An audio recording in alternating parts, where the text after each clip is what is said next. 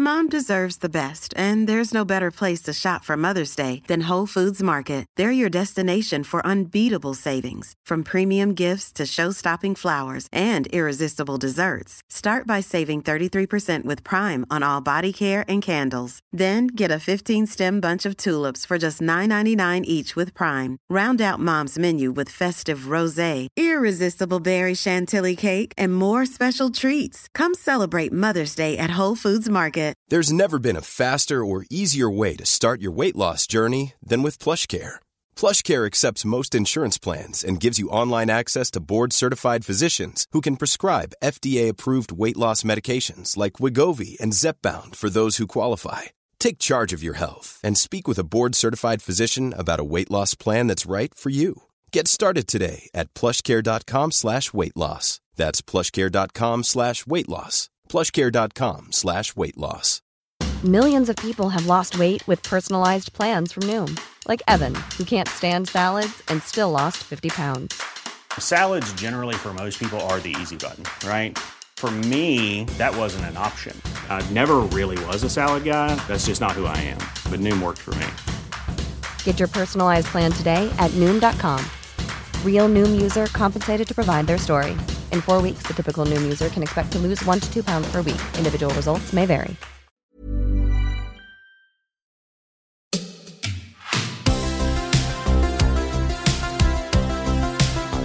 Hej och välkomna till dagens avsnitt av Klocksnack med Denke och Berns. Jag heter Denke och som alltid nästan så är det inte bara jag här utan också jag också. Ja, du. Fredrik Berns. Det är nu du ska säga Berns. Du satt och väntade på att jag skulle börja berömma dig, eller hur? Ja, jag vet. Jag blir så bortskämd med det. Ja. Med mig har jag alltid, som alltid, den fantastiska Berns. Det lät Tack, nästan som en superhjälte. Ja, Ja, men vi, jag, jag tar den med en gång. Vilken superhjälte skulle du vara om du fick välja själv? Och varför? Oj. Nej. Jag vet inte. Eh, kanske... Nej, men jag vet inte. Vad svårt. Det här vart jag lite oförberedd på. Något som kan flyga. Men det kan vara så här uh, Spindelmannen-flyga också. Men bara att man får flyga, det tror jag är det viktigaste för mig. Mm. Mm. Själv då? Du som har tänkt igenom frågan.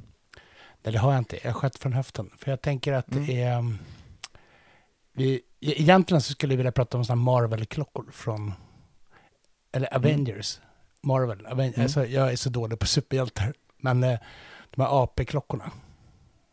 Ja, just det. Det var ju Sp- eh, Spiderman nu senast, ja. Exakt. Ja, visst var det? Eh, Mm. Och innan dess så var det Black Panther. Mm. Som Precis. såg ut som en lila gröna lyktan. Ja. Och Ja. så, eller? Ja, ja, alltså de får mycket kritik de här klockorna. Eh, jag vet inte, jag tycker att det kanske är lite löjligt. Men det är vad jag tycker. Kritiken eller klockorna?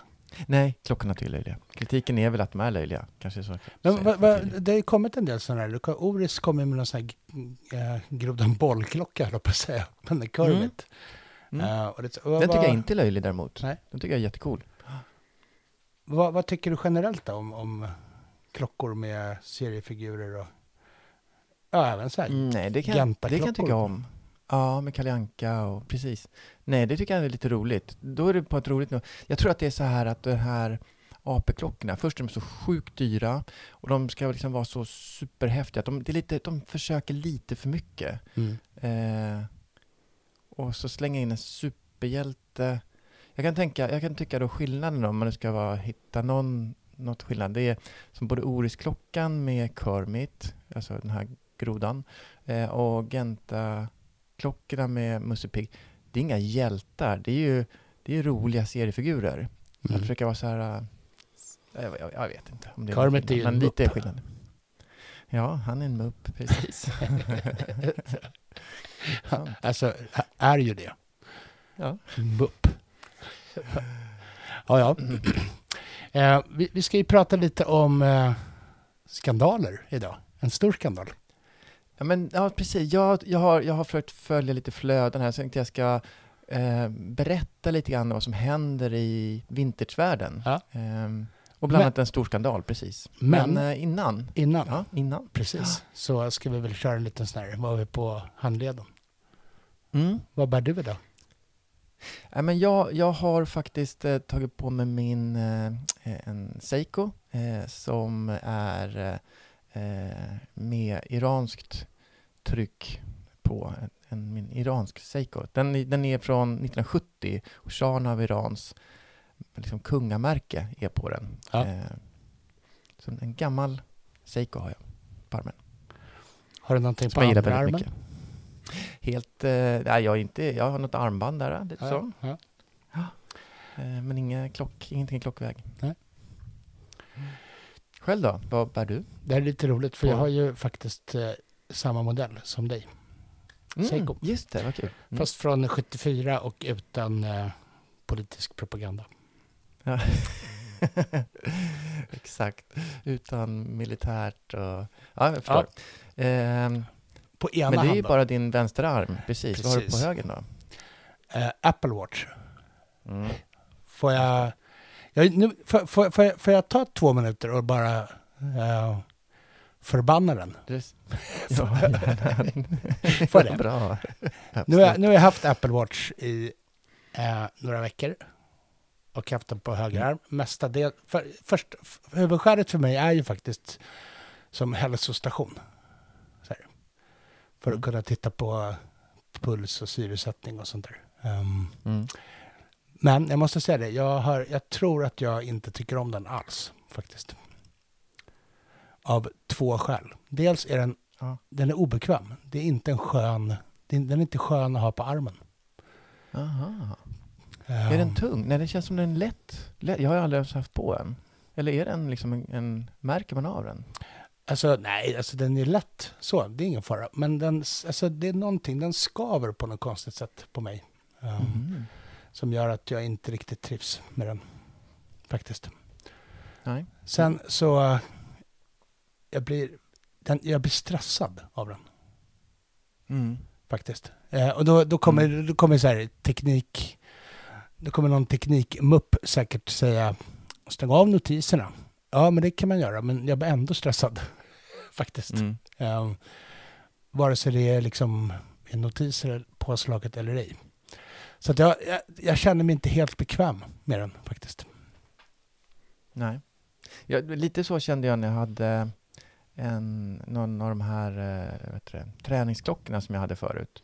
De Mm. hade också så att den kopplade upp sig mot telefonen och visade notiser när, Mm. när saker hände. Man fick sms och sånt. Och det, ja, det störde mig jättemycket. Och det är klart jag kunde slå av det också, men jag, för då, då hade jag på mig liksom träningsklockan som en, van, som en vardagsklocka hela tiden.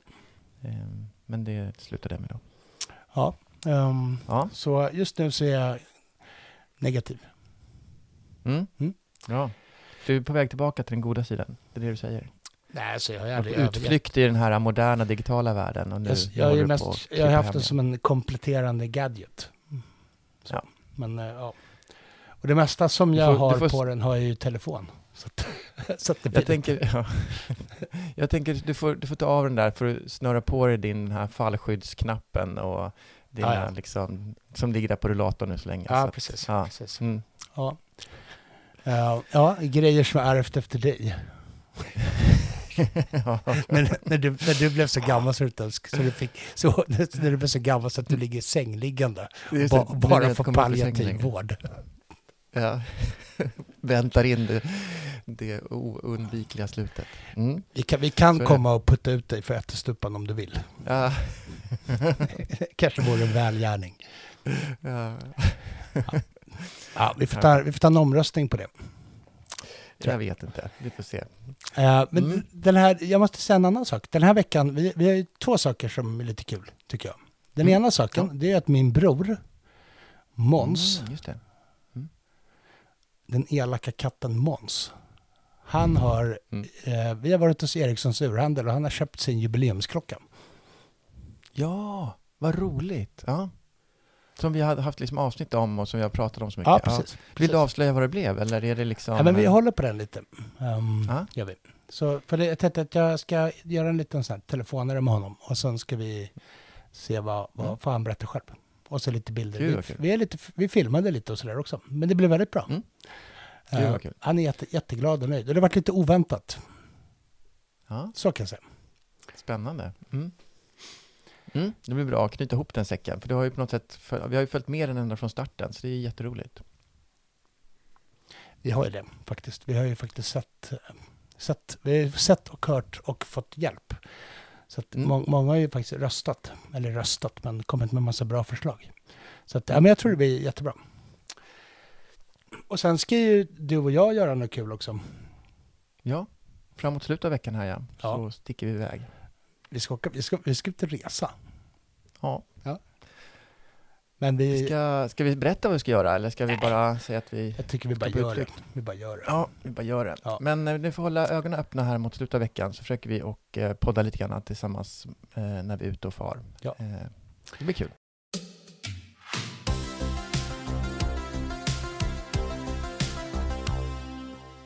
Ska vi gå på dagens ämne? Ja, det tycker jag är dags. Det är egentligen en spaning från dig, för du är mest Mm. inne i den här svängen. Ehm, Mm. så att vi, vi, men jag tänkte så här, du kan väl, du kan väl ge oss en liten brief, för det är, det är en skandal som har briserat i klockvärlden. Precis. Ja, men, jag, precis. Om man börjar från början så här så tänker jag om ehm, vintageklockvärlden, för det är där vi ska röra oss idag. Eh, den är ju jättehärlig, jättespännande och det finns massa ehm, roliga saker att upptäcka och lära sig och så vidare. Men den är också fylld med massa fällor och, och eh, det är lätt att göra fel och sådär. Eh, och det vi ska prata om lite grann idag, det är ju eh, hur, hur eh, eh lätt det är att på något sätt manipulera den här vintagevärlden. För det är en ganska det, det är en, en värld som, som på något sätt styrs av relativt få personer som har väldigt mycket kunskap och då är det liksom risk att det blir utnyttjat av fel personer.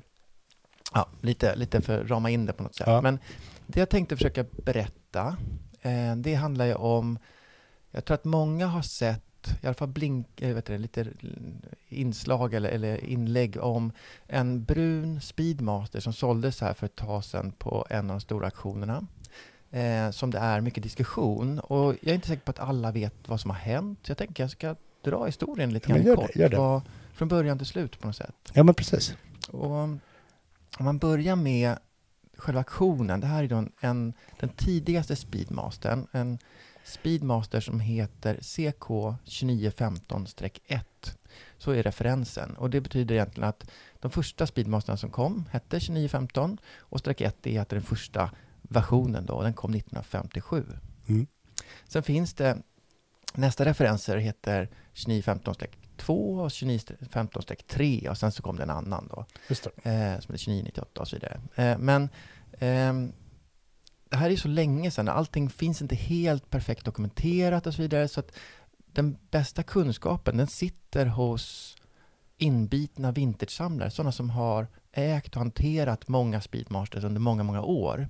Ehm, och det gör ju att det är relativt få personer som då vet precis allting om de här. Och det här, det här kan man säga utnyttjades lite grann då i en aktion som gick på Philips i Genève och det var november för ett och ett halvt år sedan. Ja, det var, det, var Ehm. då, var det, det var då auktionen gick. Ja, exakt. Så det, var en stund sedan. Mhm. Eh, och och den, när den aktionen gick, det var väldigt mycket prat omkring det.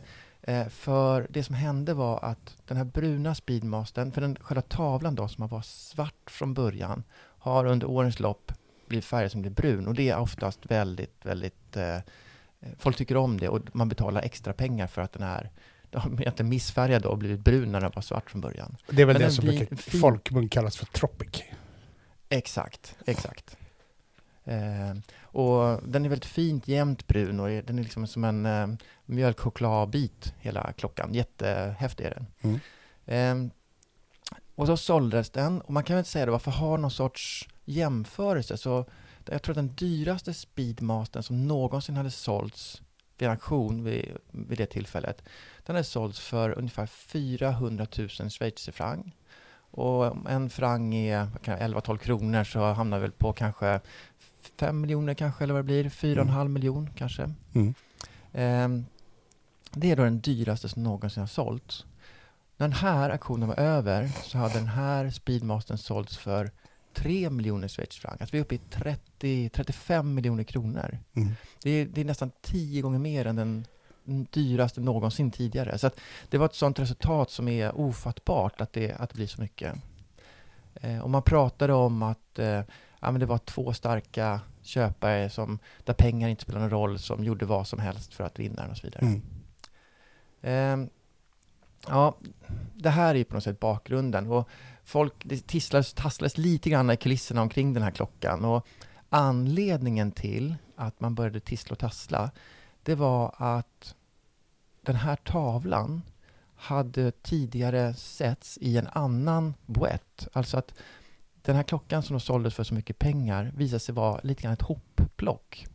Mhm. Ehm, det här är inte jätteovanligt i vintagevärlden. Det händer ganska ofta och är, det är klart att det inte är det perfekta, men, men, men så länge allting är tidskorrekt och, och äkta delar såklart, så då är det nästintill accepterat. Just det. Ehm, man kan till exempel tänka sig att man har eh, en, eh, säg en, en Rolex Submariner som man byter den här vridringen på. Mm. Ja, men då sätter man dit en som är tidskorrekt, som är, som är tillverkad samma tid som den här klockan gjordes. Fast det var inte just den, det exemplaret av, av vridning som satt på den klockan när man tillverkade den. Då är det okej. Det, är liksom, det, är, det är accepterat. Det, det var som en av de större eh, handlarna i Schweiz försökte beskriva det när han pratade om eh, vintersklockor. En handlare som heter Sasha Davidoff. Eh, han, han sa så här, det finns tre styckna typer av vintersklockor. Den första typen, det är eh, den här som är helt orörd, som är helt original, som kommer från den första ägaren. Man vet att ingenting har bytts ut eller hänt med den. Eh, ibland kallas det för som barn find, som det. Eh, som är liksom, det är drömmen att hitta en sån klocka. De, är- de är väldigt ovanliga. Det, det är väldigt sällan de dyker upp. Sen finns det de klockorna när man har bytt ut vissa delar, men mot tidskorrekta, äkta delar, vilket är då helt okej. Det är fortfarande en rätt klocka, allting är äkta och så vidare. Eh, och sen har vi den tredje kategorin. Det är när man har bytt ut delar mot saker som inte är äkta, och den är absolut inte okej. Då är man inne på liksom eh, förfalskningar på olika sätt, om det är en del eller hela klockor och så vidare. Just det. Så att de här tre delarna, och det gäller ju på något sätt att förstå då att, att ha bytt kanske en visare eller en vridring och så, det är, det är ganska accepterat. Byta en hel tavla, sätta in en ny klocka, det är lite gränsfall, ska jag väl erkänna. Mm. Eh, Många tycker att det är absolut över gränsen.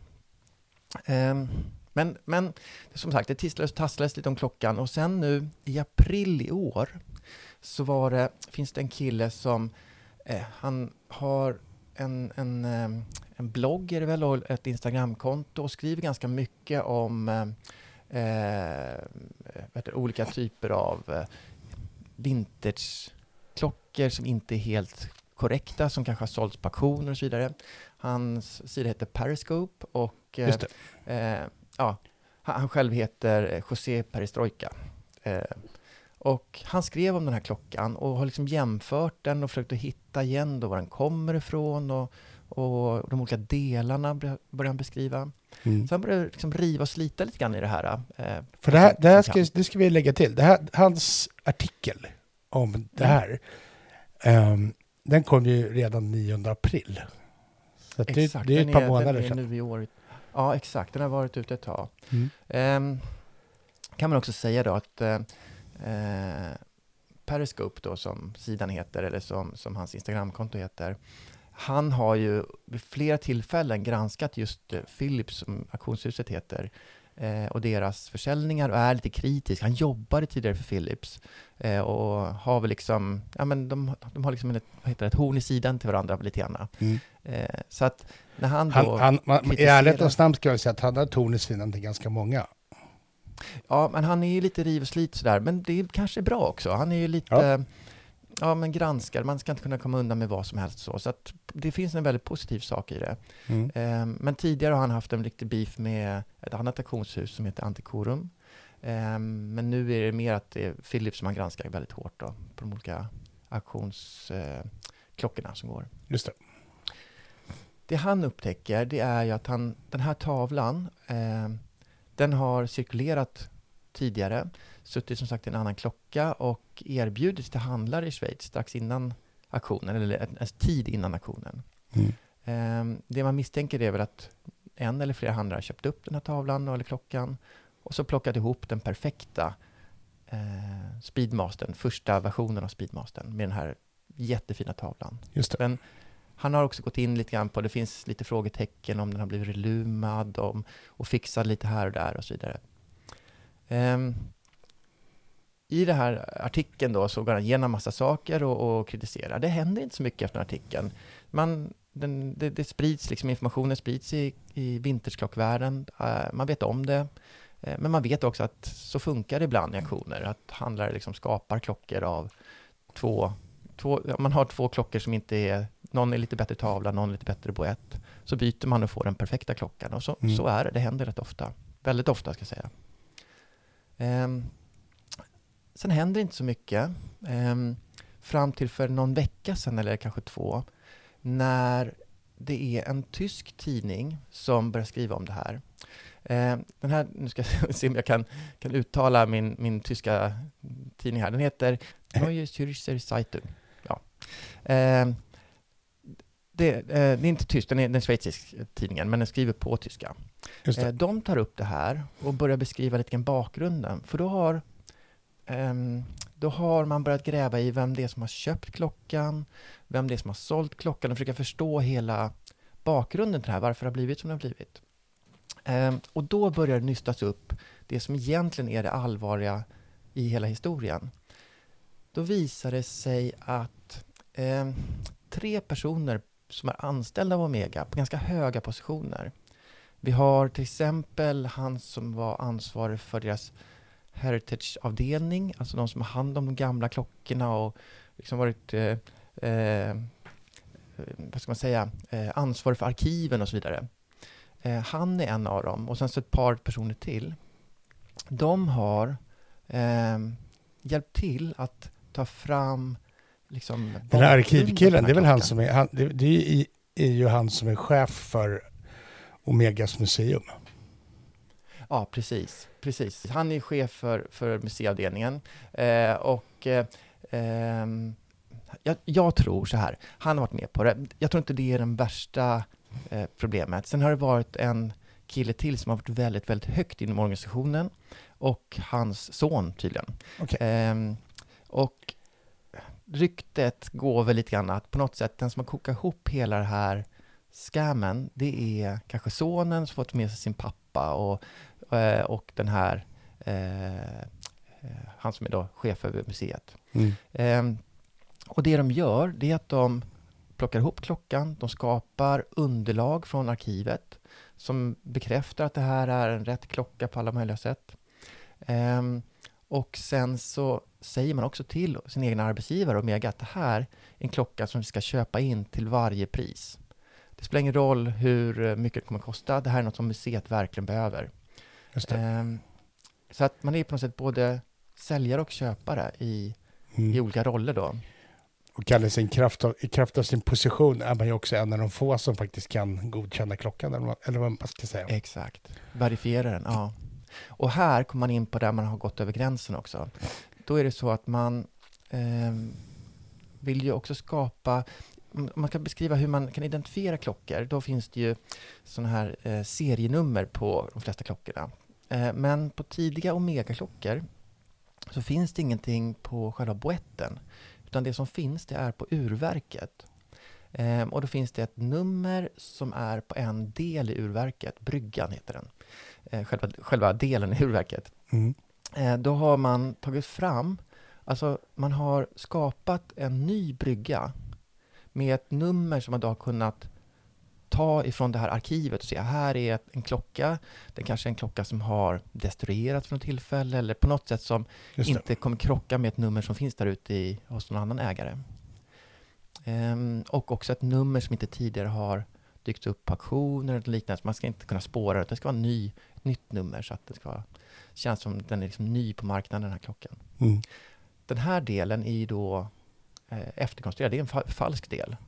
Och det här har man gått över gränsen. Nu har man börjat skapa falska delar och stoppat in i klockan. Eh, I kombination med att man då har bytt en hel del. Det pratas om att den här eh, eh ringen som är utanför eh, urtavlan, eh, det är en stålring på den här. På de nya eh, Speedmaster är det en plastring, men på de här allra, allra äldsta så är det en stålring. Att den tillhör en lite senare referens. Men här är det är inte helt sant. Det är en lite glidande skala. Det är så länge sedan det här skedde så det finns inte några exakta sanningar där. Mm. Så den skulle ju kunna vara rätt för referensen, men den är ändå lite tveksam. Och eh, ytterligare ett par delar som man ser är mycket nyare. Även om de är rätt så är de kanske, de hör inte ihop med den här klockan. Så det, det är ganska tydligt ett hopplock då. Och då har man gjort det. Man har skapat pappersarbetet, alltså ett extrakt från arkivet. Och sen har man Eh, bett Philips att sälja klockan. Eh, den som lämnar in klockan till Philips, det är en schweizisk handlare. Eh, så att man har ju liksom flera som inblandade här. Det skulle, det skulle inte gå att eh, eh, någon anställd på Mega lämnar in den och sen så blir det här då, då har man ju plötsligt avslöjat sig, utan man använder lite bulvaner eller man använder lite eh, fler folk kanske som är involverade i klockan. Jag menar, tittar man på vilka pengar det handlar om så med de summorna så kan du få ganska mycket folk att göra väldigt mycket dumma saker eh, åt dig eller med dig. Ja, jag, jag tänker också det. Att, att så här, för jag, jag, när jag läste om det här första gången så... Jag, man ska komma ihåg det då, även om jag inte är lika gammal som dig, så har, så har jag ju ändå varit... Many of us have those stubborn pounds that seem impossible to lose, no matter how good we eat or how hard we work out. My solution is PlushCare. PlushCare is a leading telehealth provider with doctors who are there for you day and night to partner with you in your weight loss journey. They can prescribe FDA-approved weight loss medications like Wagovi and Zepbound for those who qualify. Plus, they accept most insurance plans. To get started, visit plushcare.com slash weight loss. That's plushcare.com slash weight loss.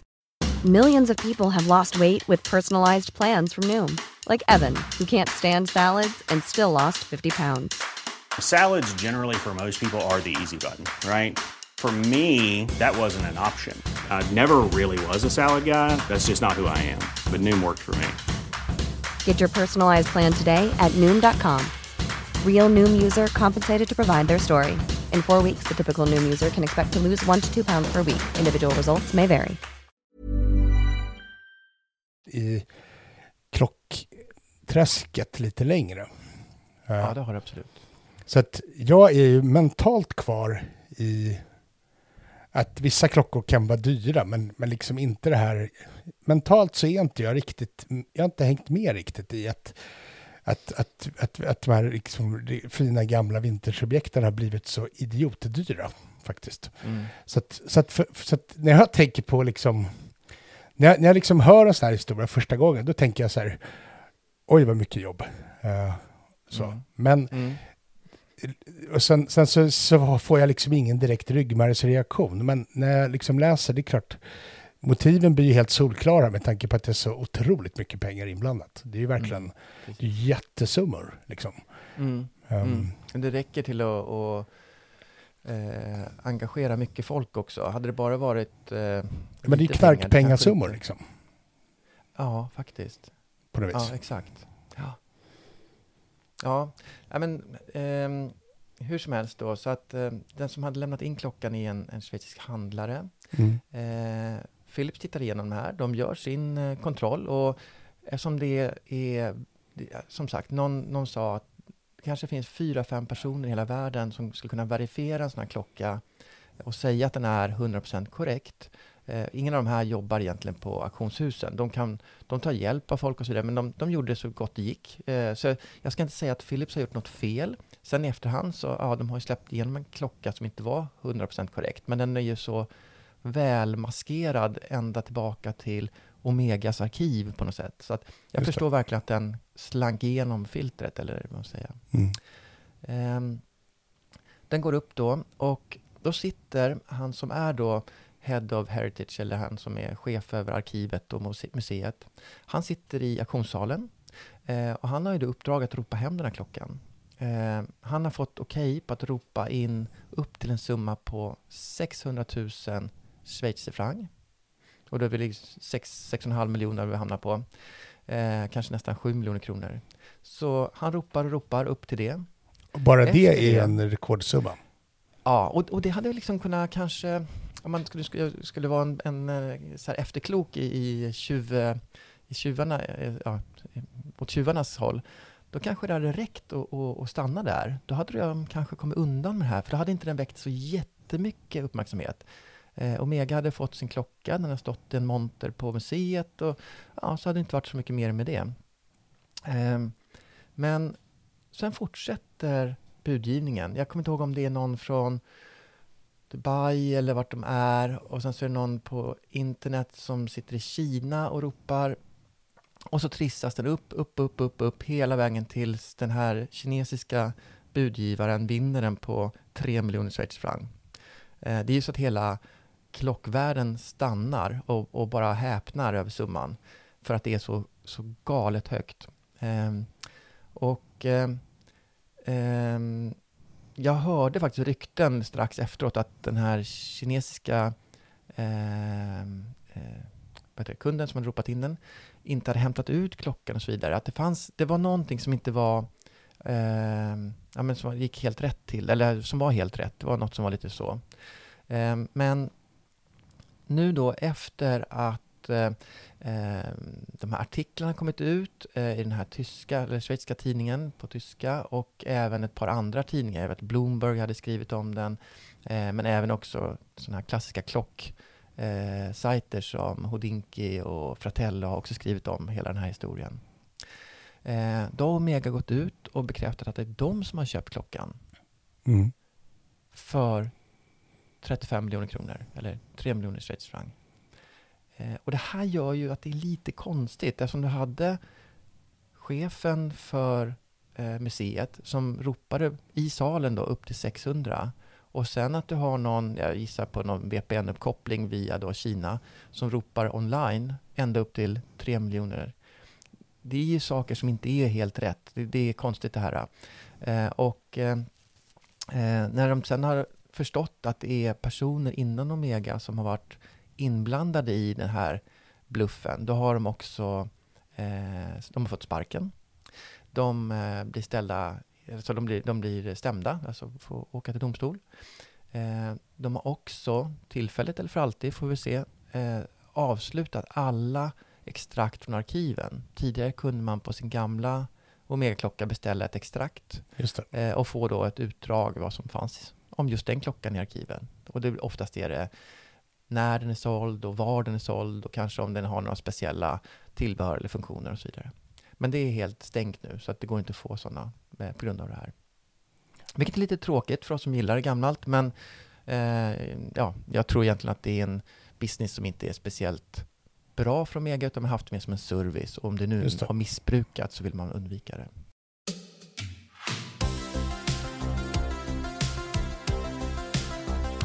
Ja, så att just nu är vi då i ett läge när Omega har stämt sina anställda eh, och eh, det börjar nystas mer och mer om eh, vilka fel det är då på klockan, eller fel, vad man har gjort med klockan och hur den kommer dit. Det Just det. pratas om eh, hur, hur den har erbjudits då till olika handlare att antingen vara med på klockan eller att eh, eh, ja, på något sätt köpa, köpa in sig i, i, att, i den här, kanske inte Mm. scammen, men i ägandet av klockan och så vidare. Just det. Ehm, så det är i kort vad som har hänt med just den här klockan. Och att det har blivit så stort, att det kommit lite senare, det, det är här jag tycker är lite intressant. För redan vid aktionen då för ett och ett halvt år sedan, då pratas det mycket om, men man sa att ah, det, här är ju, det här är ju en fixad klocka. Den är, inte, den, den, är o, den är alldeles för dyr för vad det är. Den är ju inte så perfekt så att det ska kosta så här mycket. Och, Just det. ja, men men det, så är det i klockvärlden ibland. Och det finns andra exempel på klockor som är lite hopplockade så som, ja men ja, så är det. Och så bryr man sig inte mycket. Man ser att det är mycket pengar och ja. Men eh, eh, så fort det började komma ut i, på något vanlig media, i Bloomberg och i eh, de här andra, liksom, eh, den här schweiziska tidningen och så. Eh, och man börjar få ögonen på sig från alltså från vanlig, vanliga människor, jag på säga, men människor utanför klocksvängen, så förstod nog hela klockvärlden, oj det här är faktiskt en jätteskandal. Eh, att någon har försökt lura Omega på tre, tre miljoner schweizerfranc, för det är det som har hänt. Mm, Någon har försökt precis. lura dem på det. Eh, och då börjar saker hända. Och för mig är det här ett bevis på att hela den här vintageklockmarknaden är en jätteomogen marknad som är helt okontrollerad och som styrs av några få personer med mycket kunskap eller positioner så att man kan påverka på något sätt eh, informationen som, som kommer ut och så. Eh, och det är ju en, det är ju en jätteskev marknad. Det är inte en, väl, det är inte en, det är inte en sund marknad. Nej, alltså... Jag, jag, jag har också saker som jag reagerar på i hela den här historien. Det, det ena är ju så Mm. att det är så typiskt... Jag fattar vad du menar lite där när du pratar om att det är en omogen marknad. För att det, och att det händer ingenting förrän det kommer någon utifrån och säger så här, men hallå, vad fan är det här? Eh, det här är en bluff liksom. Um, Mm. men jag tänker ju också lite så här att om, om man ska vara lite krass så har jag alltså, det har tillsatt och tasslats om den här klockan i ja, ett och ett halvt år, ish. Mm. Um, Mm. Det har kommit ut en artikel för två månader sedan Mm. där en person som i och för sig är kontroversiell men han är ändå liksom i det här fallet hade han ju helt rätt, uppenbarligen. Um, Ja, och, och det ska man ju säga att det har han nästan alltid. Jag, jag, jag tvivlar inte ett sekund på honom. Ibland är det att han kanske hittar saker som inte är så himla viktigt, men att han liksom gräver och gräver och gräver. I det här fallet så hittar han ju någonting som var jätteviktigt. Så, Ja, Ja. För, och, och sen, men det jag tänker också, det, är- det är ju faktiskt lite det här. Så här. Och jag, jag har sett lite kritik om det också mot klock, traditionell klockmedia, eller mot de här mediehusen som, som jobbar med att bevaka klockmarknaden. Ehm, och då tänker jag på stora mediehus, inte, inte som dig och mig, faktiskt. Eh, vi, vi, vi kanske också har ett ansvar att prata om sånt här. Eh, men jag tänker, så här, Houdinki, Fratello och alla de här stora liksom. ehm, Mm. Det är lite intressant att de inte har plockat upp, att de inte plockar upp de här, den här typen av historier. Så. Och där, jag har sett kritik mot det. Där kritiken i princip går ut på att de här klock, klockmedia eller branschen som sådan är liksom alla är så beroende av varandra så att det blir liksom, det är ingen Ja. som vill bråka i onödan. Jag, jag tänkte just säga det, jag, man får komma ihåg att man tar Houdinki, de har ju, alltså jag tror att de har både Philips och Omega som två jättestora kunder. Eh, och att skriva kritiska artiklar till dem, eh, även om de båda i det här fallet är eh, offren, så eh, riskerar du ju att, att förlora en, en, en bra kund eh, för Houdinki eller mm. Fratello eller de andra. Så att du är ju på något sätt, det är ju problemet med, med, mm, med de här mm, klockmediahusen att deras inkomst eller deras intäktskällor är ju de som man kanske skulle behöva granska lite mer. Just det. Ja. Det finns inte någon oberoende klocksajt på det sättet. Alla de som finns är ju på något sätt, ja men de har ju betalda artiklar och de har samarbeten som går ut på att eh, bo, ja, de ska få en intäkt då, om de säljer, jag vet inte, Mm. klockor eller skriver artiklar och så vidare. Ja. Så att det är ett beroende där som ställer till det just i, i det. Och, så det ska man kanske tänka på när man läser den typen av eh, artiklar. Det är en balansgång också kan jag tänka. Mm. Att, ehm, Mm. Det, såklart. Och det, det är en balansgång som även sådana små spelare som vi behöver liksom navigera i lite grann. Att, Mm. Absolut. ehm, att faktiskt... ehm, samtidigt så upplever jag det som, som ändå, jag har ju ändå drivit lite klocktidningar och sådär. Och jag måste säga att jag, upp, jag upplever det faktiskt ändå som att dels så tror jag att det är bra att veta om sin egen roll. Så här, alltså, och då tänker jag, vad är det jag gör eller vi gör? Ehm, Mm.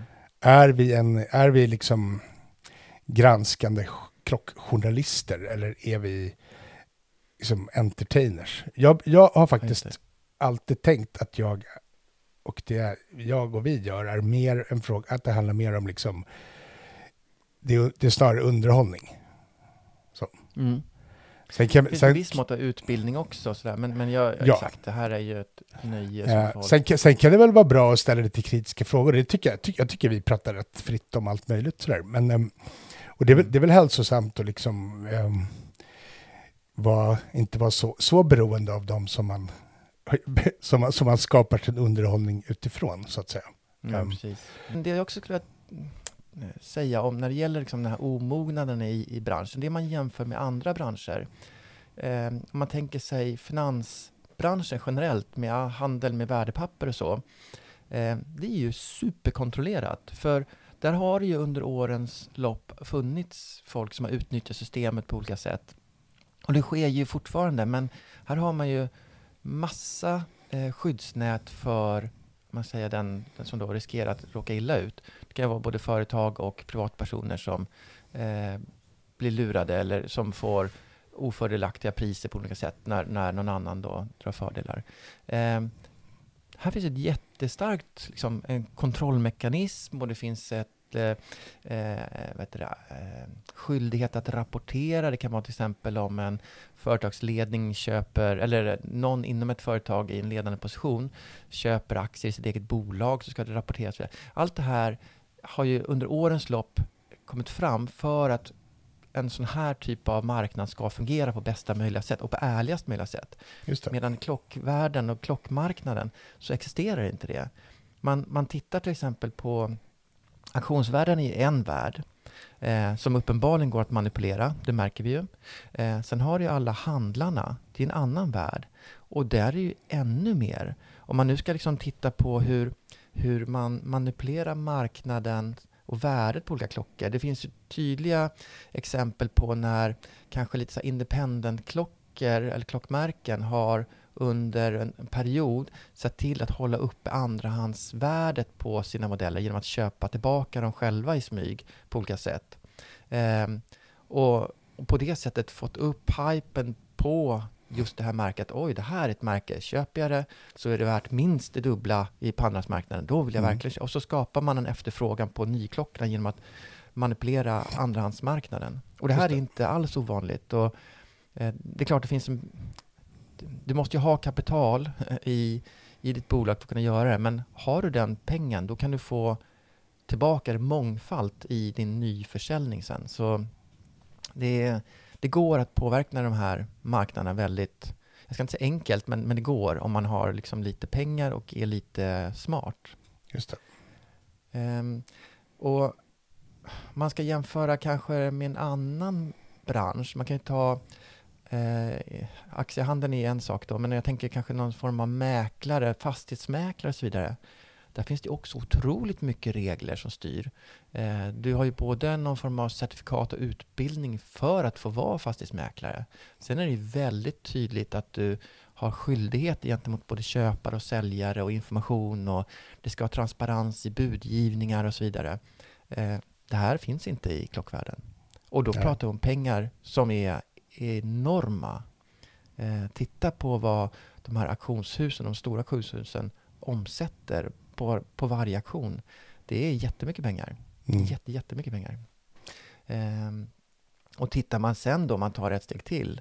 Eh, nu kanske jag går hårt på auktionsvärden, men Nej, men om man tar en fastighetsmäklare som har en provision på några ynka procent på eh, köpeskillingen så pratar vi om eh, eh, auktionshusen som skär både från köpare och säljare och kan ligga på kanske en 25 procent på, eh, från, sälj- eller från köparen och kanske ytterligare 10 procent från säljaren. Mm. Alltså de tar en väldigt, väldigt stor andel av eh, pengen. Just det. Eh, Så att det är också en, eh, kanske ett tecken på en, en eh, icke helt fungerande marknad.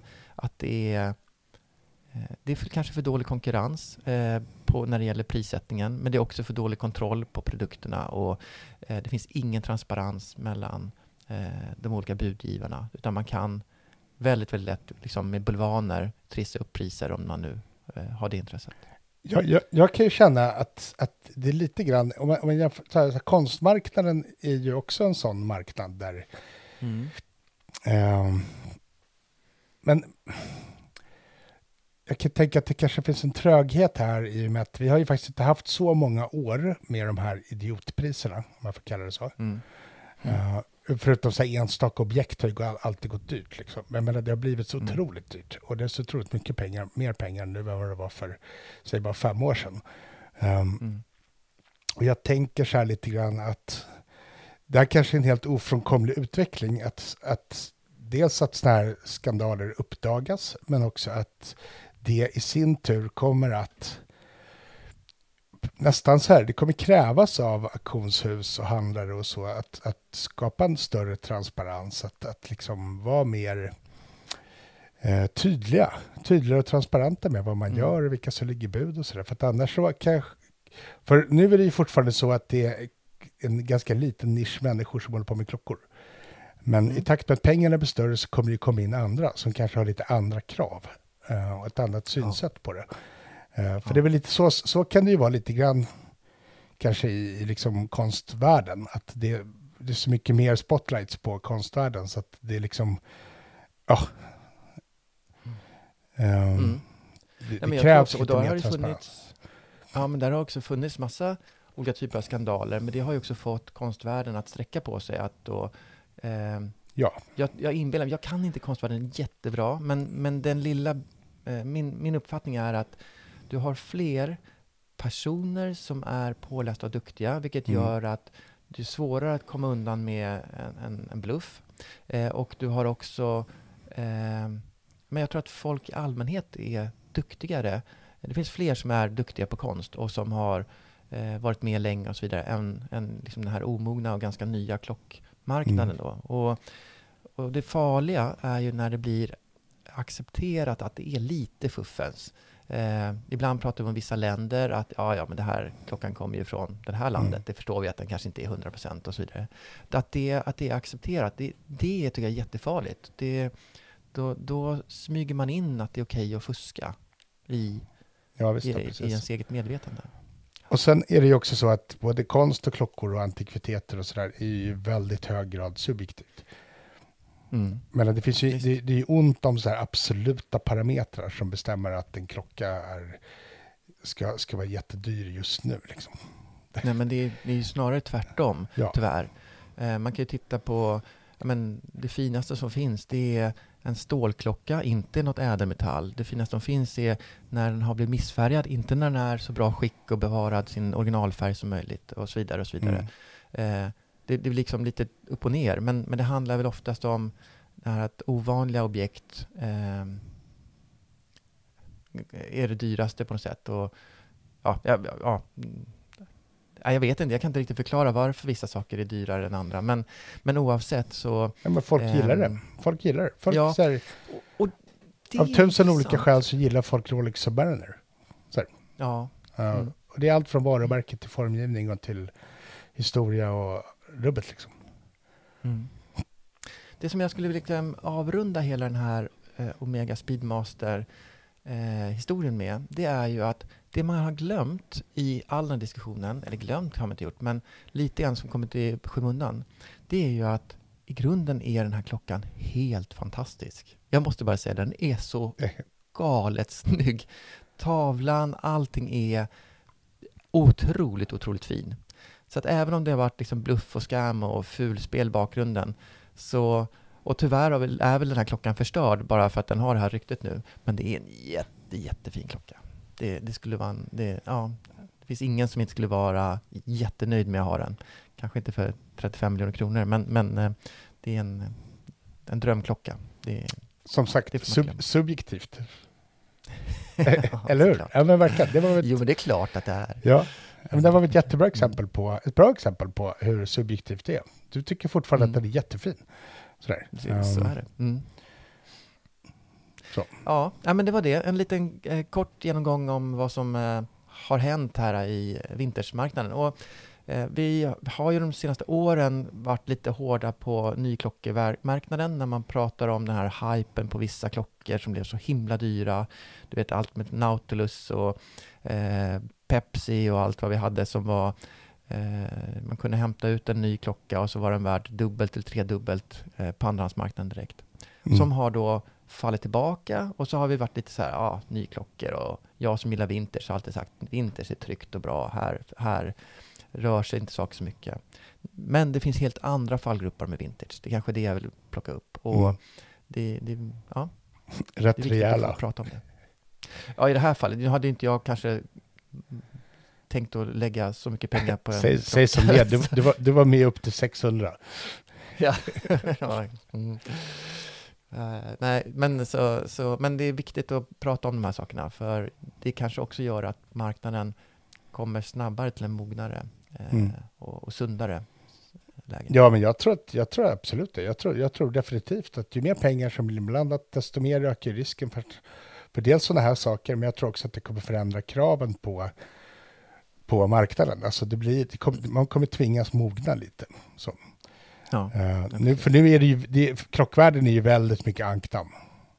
Faktiskt. Ja, men det är, där, det är det som... Och ankdamm är okej så länge det är entusiaster och inte så mycket pengar och, och liksom lite vad heter det, skruttiga klockor som flyter runt här omkring. Men när det handlar om de här pengarna, då lockar Ja. in fula fiskar i den här ankdammen faktiskt. Mm. Eh, mm, mycket. Ja, spännande. To be continued och så vidare. Ja, Um, se var det landar. Men... ehm, Jättekul. ehm, Jätte, jag tycker det vore jätteintressant att höra våra lyssnares synpunkter på sånt Mm. här. Eh, mm, och hur, vad, ja, bara så här rent generellt. Så kom gärna med Absolut. kommentarer och, och uh, Men jag tänker så här också, vi ska ju lägga, vi ska lägga lite länkar. De som vill läsa om det här, så vi kan väl länka upp de här olika eh, nyhetsartiklarna som har varit. Vi har ju både Ja, såklart eh, eh, Periscopes eh, originalartikel här, eller, eller genomgång, men också Hodinki och Fratello. Och för er som Ja. pratar tyska så länkar vi in tyska tidningen där, eller schweiziska tidningen. Och, ehm, så att, eh, och, och Bloomberg också, den artikeln är ganska bra också. Den är skriven utifrån icke-klockmänniskors, eh, så att, så att alla ska kunna förstå alla, alla bitarna. Också. Ehm, Ja, ja. Gärna lite åsikter, vad, vad, vad man tänker och tycker om, om den här specifikt och men lite generellt om marknaden, klockmarknaden, nytt och gammalt och dyrt och billigt. ja. Precis så. Ska vi, ska vi nöja oss där idag då? Så, Det tycker jag. En bra Ja. måndag. Bra måndag. Mm. Tack, tack så mycket Berns. Uh, initierat Ja, tack och kloka ord från dig. Tack, samma.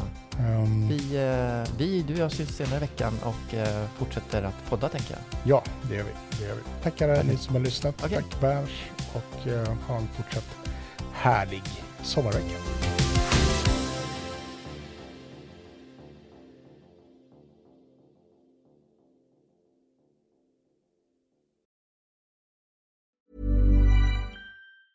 Planning for your next trip? Elevate your travel style with Quince. Quince has all the jet setting essentials you'll want for your next getaway, like European linen, premium luggage options, buttery soft Italian leather bags, and so much more. And is all priced at 50 to 80% less than similar brands. Plus, Quince only works with factories that use safe and ethical manufacturing practices.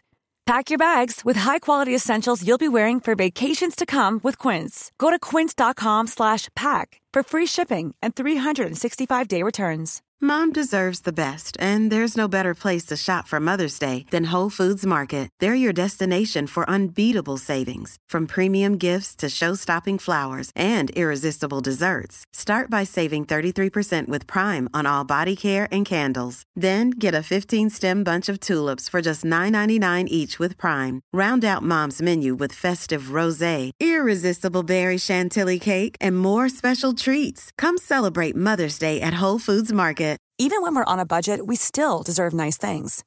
Quince is a place to scoop up stunning high-end goods for 50 to 80% less than similar brands.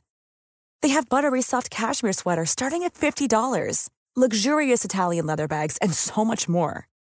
Plus, Quince only works with factories that use safe, ethical, and responsible manufacturing. Get the high-end goods you'll love without the high price tag with Quince. Go to quince.com slash style for free shipping and 365 day returns.